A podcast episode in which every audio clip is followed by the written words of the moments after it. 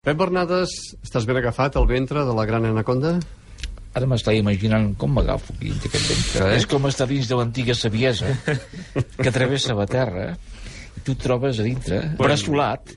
Estic molt content dins de l'anaconda.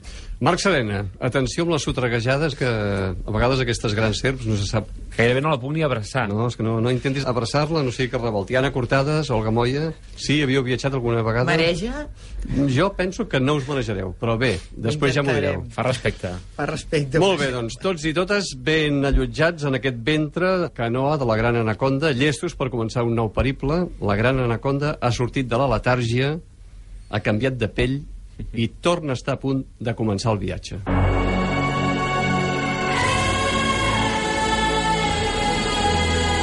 Els ancians latuames recorden que, en la llunyania dels temps mítics, els seus avantpassats van baixar els rius navegant en el ventre canoa de la gran anaconda.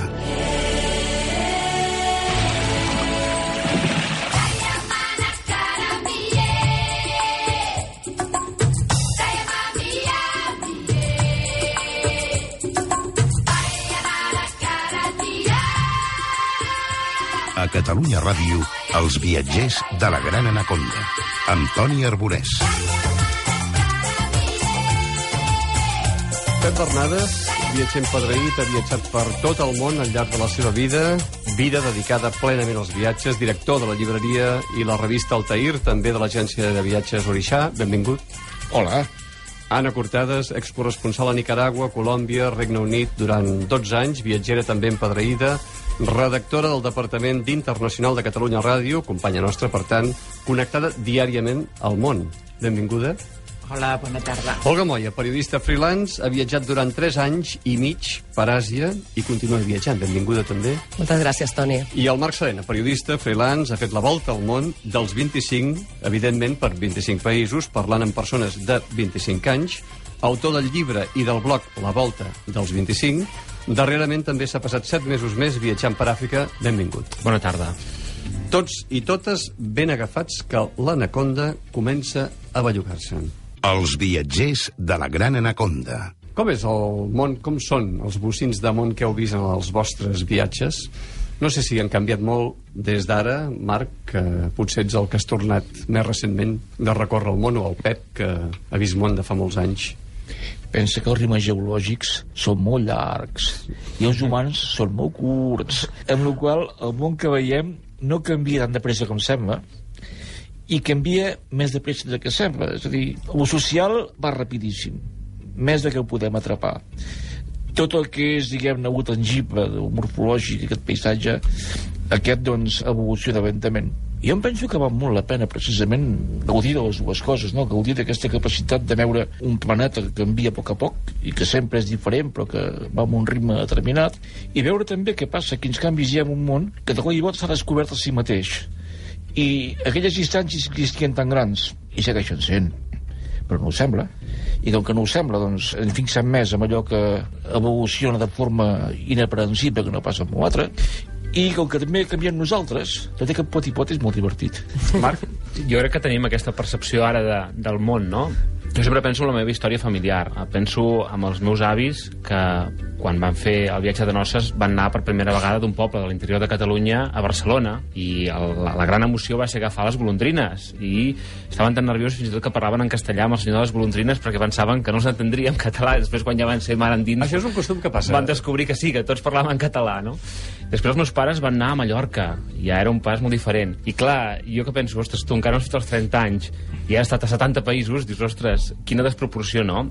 I crec que amb aquesta possibilitat de viatjar que tenim, amb internet, amb mitjans de comunicació, etc, tenim aquesta percepció veritablement total i ara no hi ha cap excusa de que som un món, no?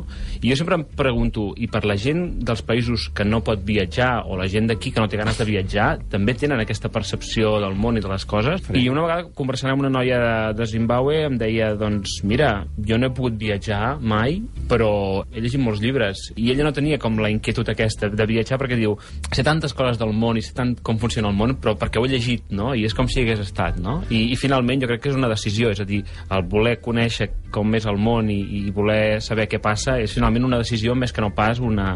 Si tu tens ganes de connectar-te al món, pots. I s'ha de ser valent ara per voler conèixer el món, eh, amb el que expliquem, Anna, des dels mitjans de comunicació, perquè si ens han de fer cas moltes vegades del que diem, Àfrica amenaçada per crisis periòdiques de sequera i de fam, Somàlia ha estat fallit, el Sàhara amb litigi, l'Àrtic amb menys gel que mai... No sé, perquè aquestes són les parts més problemàtiques del món. Però la veritat és que ha molts llocs que després hi vas i dius, sí, però... Tot és relatiu. Si, tot és relatiu. Si ara es parla del conflicte de Síria, òbviament, el conflicte de Síria existeix i, i no hi ha cap mena de dubte. Però si es parla de llocs no tan conflictius o, o no amb un conflicte tan extès, després hi vas i tu pots viatjar. I la gent d'allà descobreixes que això ho viu amb una certa normalitat, sense tants escarafalls. I ara m'has fet I- pensar que quan l'any 92 aquí es van fer els Jocs Olímpics, un company que vivia a l'Índia, l'Òscar Pujol, em va dir van fer un reportatge de Barcelona que semblava talment que estiguessin en guerra civil. És a dir, que és cert que moltes vegades la visió que es dona pels mitjans de comunicació no té res a veure amb el que trobes després sobre el terreny. Sí, jo, jo recordo quan tant estant a l'Índia amb diverses bombes que es van posar el 2008, si no recordo Que malament. van ser aquelles bombes a la porta aquestes, de l'Índia. Aquestes. Com estant a Tailàndia amb el tema de les camises grogues, jo estava a Tailàndia en aquell moment i, clar, tota la meva família estava espantadíssima, els mitjans de comunicació se'ls llegies, espantaven, però a Tailàndia la situació era, a veure, a l'aeroport, en punts molt, molt, molt concrets, era una situació bastant complicada, però al país en general estaven tots els viatgers eh, la mar de normals i Espanya estava repatriant, enviant cap a casa els turistes que s'havien quedat atrapats perquè no hi havia vols. I tu on eres? A vora del riu Chao Phraya? Jo estava a, a Chiang Mai en aquell A moment, Mai, que era on el primer ministre es va refugiar. Sí, sí, i tot era... És a dir, tu estaves amb el primer ministre. Exacte. Va, per això estava segura. Exacte. No, no, i era, i era una situació molt normal, i això ho he pensat moltes vegades quan viatgem, que mitjançant els mitjans de comunicació doncs, es dona una visió que en alguns moments no és del tot ajustada. Amb altres sí, però a vegades és una mica alarmista. Però més que alarmista també et defensem-nos una mica, eh? Va, Anna, digues Que nosaltres hi treballem cada Jo no puc dir res, no puc dir res. No és mentida. El que passa és que el punt de mira és aquell, i el teu punt de mira quan viatges és aquell i molts altres. Exacte. Perquè el que estava passant a Tailàndia no era mentida, probablement el que explicaven els mitjans era veritat. El que passa és que el punt de vista tu l'amplies i tu vas a comprar el pa, et lleves... Exacte, no, i, que, exacte. I que de Bangkok, on hi havia les protestes, fins a Chiang Mai, doncs Hi ha molts quilòmetres. molts I quilòmetres. segurament Sí, en el sí, mateix sí, Bangkok, segurament, altre, però sí. clar, el que passava amb les camises Clar. grogues sí que era veritat. Però per I això això- penso que és important la visió del viatger, precisament. L'informador va allà per una feina concreta, i el que surt en el món publicat és el que diu informador. I el que llegim és sempre aquesta cosa unidimensional que es limita a l'econòmic i a lo polític. Per mi el viatge, i amb això no ha canviat des de que el senyor Barton s'ha anat a buscar el fons del Nil fins ara, és una suma d'ingredients que són a dintre. És passió, és coneixement i és emoció. Prou passió com per arremangar-te i mirar-te les coses en sèrio, prou capacitat de conèixer com per documentar allò que vols veure, i prou capacitat de tenir aquelles emocions que et dona el conèixer persones, el viure situacions, mirar-te un paisatge, el sentir el que passa en un lloc, i això que és únic i repetible per cadascú et permet transmetre el món que veus de forma bastant més global, completa, comprensible, que no pas el reportatge periodístic limitat a un aspecte que interessa al mitjà que havia enviat. Llavors jo em penso que estem com un nou renaixement, no? Què va ser el renaixement? Va acabar aquella mena d'edat mitjana unidimensional on tot estava limitat a aspectes concrets, no? Quan tu comences a descobrir moltes coses, és capaç de mirar-te-les en profunditat, relacionar-les, posar-les en comunicació, interpretar-les, descobreixes un món diferent. I potser la màgia del viatjar és aquesta. El món pot canviar, tu canviaràs, però aquest joc, aquesta interacció entre tu i allò que veus en directe, i que tu pots interpretar a partir d'allò que t'has treballat i de les relacions que et surten al pas, crec que és la gran meravella única per comprendre el que passa fora, per donar-te compte que no ets el marit del món, per ser capaç de relacionar-te amb altres persones molt diferents i molt iguals que tu, molt iguals, més que no pas diferents, i obrir pas a un nou tipus de diàleg. Tu has parlat d'emoció i de passió. Moments que hagueu sentit emoció o passió. Moltes vegades són moments inesperats. Jo avui t'he portat, Toni, has dit que portéssim coses. Sí, home, a la mesura del I t'he possible. portat una castanya. Ah, mira. perquè a vegades també això que et deixes emportar pel viatge i fas coses i que no pensaves que faries i tal, i un dia, doncs, per Lituània, per Vilnius, no sé per què, vaig conèixer una persona que després em va portar una altra i vaig acabar en una universitat, a la Universitat de Vilnius, davant dels alumnes parlant jo, explicant coses. Suposo que volíem practicar l'anglès i van veure que no hi parla l'anglès, doncs així practicarem tots. Total, que vaig acabar allà i vam parlar una mica amb gent de la meva edat, però amb aquest espai tan estrany que era la Universitat de Vilnius, no? I quan va acabar la classe, doncs hi va haver una, una de les noies que va venir i em va donar aquesta castanya en senyal d'agraïment. I en aquell moment ho vaig trobar tan sincer i tan honest i tan hospitalari d'alguna manera, no? Perquè fins i tot en un lloc tan fred com la universitat, doncs en això hi havia aquest agraïment molt sincer que resulta després vaig descobrir que això, que a Lituània, si vas a casa d'algú, pot ser que et donin alguna cosa en senyal d'agraïment, etc. no? I la guardo, i la guardo, i, i quan la recordo, recordo aquest i molts altres moments de gent que et trobes eh, i que hi ha una connexió molt forta i que notes aquesta honestedat i aquesta humanitat, no? que després moltes vegades, quan parlen d'altres països o quan nosaltres ara parlem d'altres països, sembla que en uns països, uns poders, uns polítics, una economia, una cosa així, unes relacions internacionals, un tauler d'escacs, però després quan fas el viatge et trobes amb aquesta la lletra gent. petita, no?, d'alguna manera que quan fas una hipoteca la lletra petita és el pitjor, no?, però en un viatge aquesta lletra petita jo crec que és el que et trastorna, no? És una mica el que deia el Pep amb la nostra feina. No té res a veure un viatge de feina amb un viatge de, de veure De món. viatger, De de veure viatger. Després les coses les pots barrejar una mica, però realment si viatges treballant, viatges treballant. Ja està, primer hi ha uns informatius a cobrir... És a dir, no, no hi ha emocions. Aquestes petites emocions que de jo sobte... crec que no, això tampoc, perquè et poden passar coses. De cop coneixes algú... Jo et recordo tu amb els esmeralderos de Colòmbia. Sí, sí, clar, et passen aquestes coses. Però de tota manera, i em sap greu dir-ho, però és així, quan tu estàs entrevistant amb algú que et crea una emoció, darrere d'això sempre hi ha que bé ho podré explicar. I això no passa quan estàs viatjant perquè t'agrada viatjar i ja està. També o sigui, d'alguna manera, d'alguna manera, tu veus la veu d'aquest senyor i on la posaràs en un reportatge quan estàs viatjant, encara que t'agradi molt i encara que vegis què està passant i en, i en viatges amb conflicte per descomptat veus què està passant la gent però d'alguna manera, quan més greu és la situació que t'explica algú que està en una situació de conflicte, si estàs treballant millor, perquè ho podràs transmetre millor. I això hi és, és inevitable. Sí, però Anna, hi ha una cosa que és complementària amb això. Jo en aquests moments, sense treballar, no sé viatjar. Saps per què? Perquè quan vaig a un lloc a fer alguna cosa, conec a persones. Independentment del que fem amb aquestes persones, hi ha més coses a fer. I acabes obrint portes i entrant a espais i coneixent coses que no coneixeries mai sense aquesta connexió amb un país. Per exemple, no fa massa, eh, a Marroc, a la zona del Rif, que és una zona ben especial perquè tothom hi passa i ningú s'hi atura. Doncs jo tenia ganes de tocar el Rif profund i havia començat a demanar quines famílies eren els que havien sigut els cacics de cada lloc. I em vaig dedicar a posar aquestes famílies i entrevistar gent.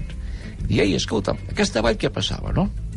I d'entrada, mira que si fossis un ésser especial, et deixen entrar a casa, et donen una mica d'op amb oli, alguna cosa, i el conversa és formal. A cap d'un parell de mesos, si tornes, la cosa ja va millor. I quan ho has fet tres o quatre vegades, acabes amb una sensació d'anar a casa. Per mi, mai hauria conegut el Rif d'aquesta forma sense treballar-hi. I sense repetir-lo. Bueno, perquè, clar, el que et passa... vegades, clar, no? clar, clar, el que et passa amb un viatge de Sí. treball és que això és més difícil. Amb un viatge mm, perquè vols anar-hi, eh, pots repetir tantes vegades com vulguis un país. Amb un viatge de treball, no tant. De tota manera, al mateix temps que hi ha una cosa, hi ha l'altra. Si tu no t'emociones amb el que t'està explicant un senyor, difícilment ho transmetràs. No pots. Dif- No pots, no pots. Jo també I no disfrutaràs, ni viuràs, ni t'hi enganxaràs, ni tindràs aquella capacitat de llavors llegir sobre tot això que has sentit i documentar-ho per elaborar tot allò que penses i quan hi tornes pas un pas més enllà. Per mi, eh, aquesta suma de coses és el viatge. I sempre hi entres més fàcilment quan hi ha un pretext que no és el que passava per aquí, sinó que hi ha alguna cosa que et permet fer preguntes i entrar-hi, que vas d'altra forma. Jo per això en aquests moments, encara que viatgi amb la família, doncs jo sempre tinc algun guió amagat per aquí que m'ajuda a buscar coses i a demanar i a ficar el nas i publicaré. Potser no. Aquesta és la potser sí. diferència, aquesta és la És diferència. que m'és igual. No, aquesta jo tinc, és la gran diferència. Jo tinc les meves perquè- notes, tinc una revista i, Però això i, i puc és fer-ho. un privilegi, eh? Però, en principi, em fa més goig fer-ho que haver-ho fet. O sigui, el fet de trobar-me allà amb totes aquestes situacions, que no pas què em faré d'això, que em faig viure, eh? que potser és la signatura més maca que pots passava la teva vida, no? Sentir-te vivint. I, i, I compartir aquestes coses amb una gent que no coneixia de res i que des d'aquest moment compartireu, és meravellós. Quan parleu de les, de les emocions de la gent, jo pensava, jo tinc avantatge, per antiguitat. Perquè jo en aquests moments estic tornant a veure gent que ens hi hem conegut fa més de 30 anys, quan tots érem molt joves, que feien més xuís a mig del desert, reien molt, i ara tots són gent que per una vida són avis, però ens seguim veient, no? I trobar aquestes persones amb aquesta confiança com de tants anys i amb aquesta perspectiva vital que un té de l'altre, per mi és un regal meravellós. Tu has parlat de tenir un guió en el viatge. Dic, sempre porto el guió fet del viatge, però a vegades no portar-lo, Olga, també t'obre portes insospitades. Sí, jo la veritat és que quan vaig trobar viatge em documento una miqueta abans, però durant el viatge tanco la guia. Tanco la guia i segueixo la intuïció, recomanacions de viatgers, a vegades algú t'explica un lloc que no t'havies plantejat. O sigui, sí que tinc un cert guió al meu cap del que m'agradaria veure, però gairebé mai es compleix. Gairebé sempre el, el, el canvio. Una cosa molt graciosa que m'acostuma a passar és que si tinc bitllet de tornada mai l'utilitzo. Encara a dia d'avui mai he utilitzat un bitllet de tornada. Hauria de començar a no, a no comprar-los. Sempre el viatge s'allarga per una raó o per una altra i acabo tornant bastant més tard del que havia- m'havia proposat tornar. A vegades t'han passat coses que no són positives. Sí, m'han passat bastantes, però potser la més forta va ser a, a Filipines. A Manila vaig conèixer un noi que em deia que era de Hong Kong, que estudiava Medicina a Suècia, per guanyar-se una mica la meva confiança. Vam viatjar junts tres dies. Jo el tercer dia m'anava de Manila a Porto Galera, que és una illa que hi ha a prop de Manila. Ell va dir que venia amb mi, vam marxar junts. Em va dir que si ens podíem allotjar junts. Jo, viatjant, m'he allotjat amb moltíssima gent en compartit habitació per reduir despeses, llavors ho vaig fer sense sospitar absolutament res i m'ho va robar tot de l'habitació. Em va robar tot menys el passaport i 14 dòlars, que encara em pregunto per què el està sobre el llit. Jo he que per agafés un vaixell de tornada a Manila. I què sents? Doncs va ser molt estrany, perquè no vaig ni plorar ni, ni enfonsar-me, perquè estava sola. Llavors, quan viatges sola, jo crec que tens aquest punt en què no et pots permetre enfonsar-te, perquè jo havia de solucionar-ho. Vull dir, no podia, si estigués amb la meva parella, doncs m'enfonso llavors ell ho soluciona. Però estava sola, llavors havia de fer-ho jo. Vaig tenir la gran sort de que un policia d'allà de Porto Galera doncs, va agafar el meu tema i agafava vacances del dia següent. Llavors aquest policia, que es deia Albert, amb, que encara mantinc relació, això fa doncs, sis anys, me'n va dir que anés amb ell a Manila, que investigaríem, perquè aquesta persona havia donat unes dades d'on s'allotjava, que un hotel de cinc estrelles, que tot era mentida per suposat, però jo encara m'ho creia, i que vindria amb mi, ho investigaríem, i em vaig allotjar a casa de la seva tieta durant una setmana sencera. Llavors és una experiència meravellosa, amb, amb la tia Isabel, que jo li dic tia Isabel també, que encara parlem per Skype, i mm, amb els seus dos fills, i va ser, va ser meravellosa. Es van fer càrrec de mi, Després jo quan vaig tornar a Espanya els hi vaig enviar pernil mm. i ella, això és encara, encara millor jo un dia estava fent submarinisme per les Illes Medes i quan torno a casa meva em trobo que havien, havien deixat un àlbum de fotos que ens vam fer a Manila aquells dies que l'havia portat una amiga seva que estava casada amb un català i va passar per casa i em va deixar l'àlbum de fotos a la, a la bústia El Marc et mira i eh, jo m'imagino que deu estar pensant coses que li han passat. No, vaig pensant en moltes, vaig pensant en moltes. I una de les que encara em costa més de creure, de coses que et passen, pensava en Tailàndia, a Bangkok, i, a, i aquells canals que hi ha d'aigua, no?, per desplaçar-se. Sí. I en una d'aquelles barques, deuen ser, veig un xinès, de sobte, que el veig i dic, o sigui, aquest xinès et sona d'alguna cosa. No pot ser. Que hi ha 1.500 milions, Marc. Dic, aquest xinès et sona d'alguna cosa. Dic, ja ho sé. I llavors agafo el xinès per les dues mans i li dic, jo a tu et conec. Molta seguretat. En xinès. en anglès. no, no, tu no em coneixes de res. Qui ets? Qui ets? Jo a tu et conec, t'he vist. No ho sé. Tu vas estar a Corea fa dos mesos. I, ostres, és veritat. I un dia, una tarda, estaves en un alberg a la ciutat de Busan i allà vam parlar 20 minuts. Ostres, és veritat. Resulta que jo tinc molta memòria de les, de les cares, d'altres coses fotogràfiques, d'altres coses no me'n recordo gens, però de les cares me'n recordo molt. I me'n recordava d'aquell xinès que havia parlat amb ell 20 minuts, feia dos mesos, a Corea, i que com que estava també fent la volta al món, doncs també havia passat per Bangkok i havia anat a passar pel mateix lloc que jo. I llavors en aquell moment, quan se'm van recordar, es va tocar el cor. I al